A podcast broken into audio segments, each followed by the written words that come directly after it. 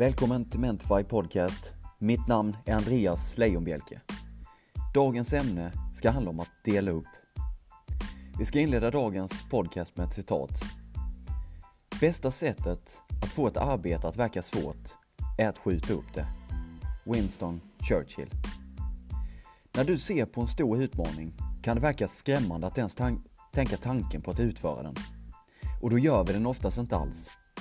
Tanken på motståndet, som alla uppgifter innebär sammanlagt, gör att vi tar den enkla vägen. Och det är inget konstigt med det. Hjärnan är designad för att spara energi och vara effektiv för att överleva. Det handlar om att bli bra på att bryta ner utmaningar i mindre delar och dela upp dem. På det sättet kan vi kontrollera situationen betydligt bättre. En mil blir en kilometer. En kilometer blir 100 meter. 100 repetitioner på gymmet blir 10 åt gången. Arbetsdagen blir 5 uppgifter. 300 sidor boken du vill läsa blir 5 sidor varje kväll. Om jag varje dag skulle tänka på allt jag ska göra under en dag hade blivit för mycket att ta in. Det hade blivit för mycket motstånd innan det ens har börjat.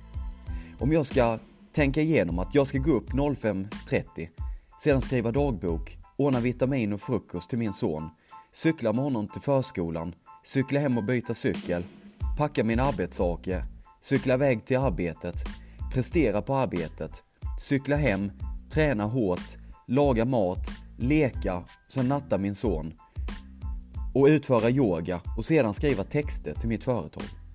Det hade blivit alldeles för mycket. Det jag gör är att jag delar upp dagen. Först zoomar jag ut och får helikopterperspektiv. Sedan så zoomar jag in en del i taget och attackerar den delen. När jag är i en uppgift är det bara den som existerar. Det är som ett cykellopp där jag når olika etapper. Det här gör att jag fokuserar på en uppgift i taget medan jag tar mig igenom dagen. Och en mentor till mig sa en gång att den hade boxtänket.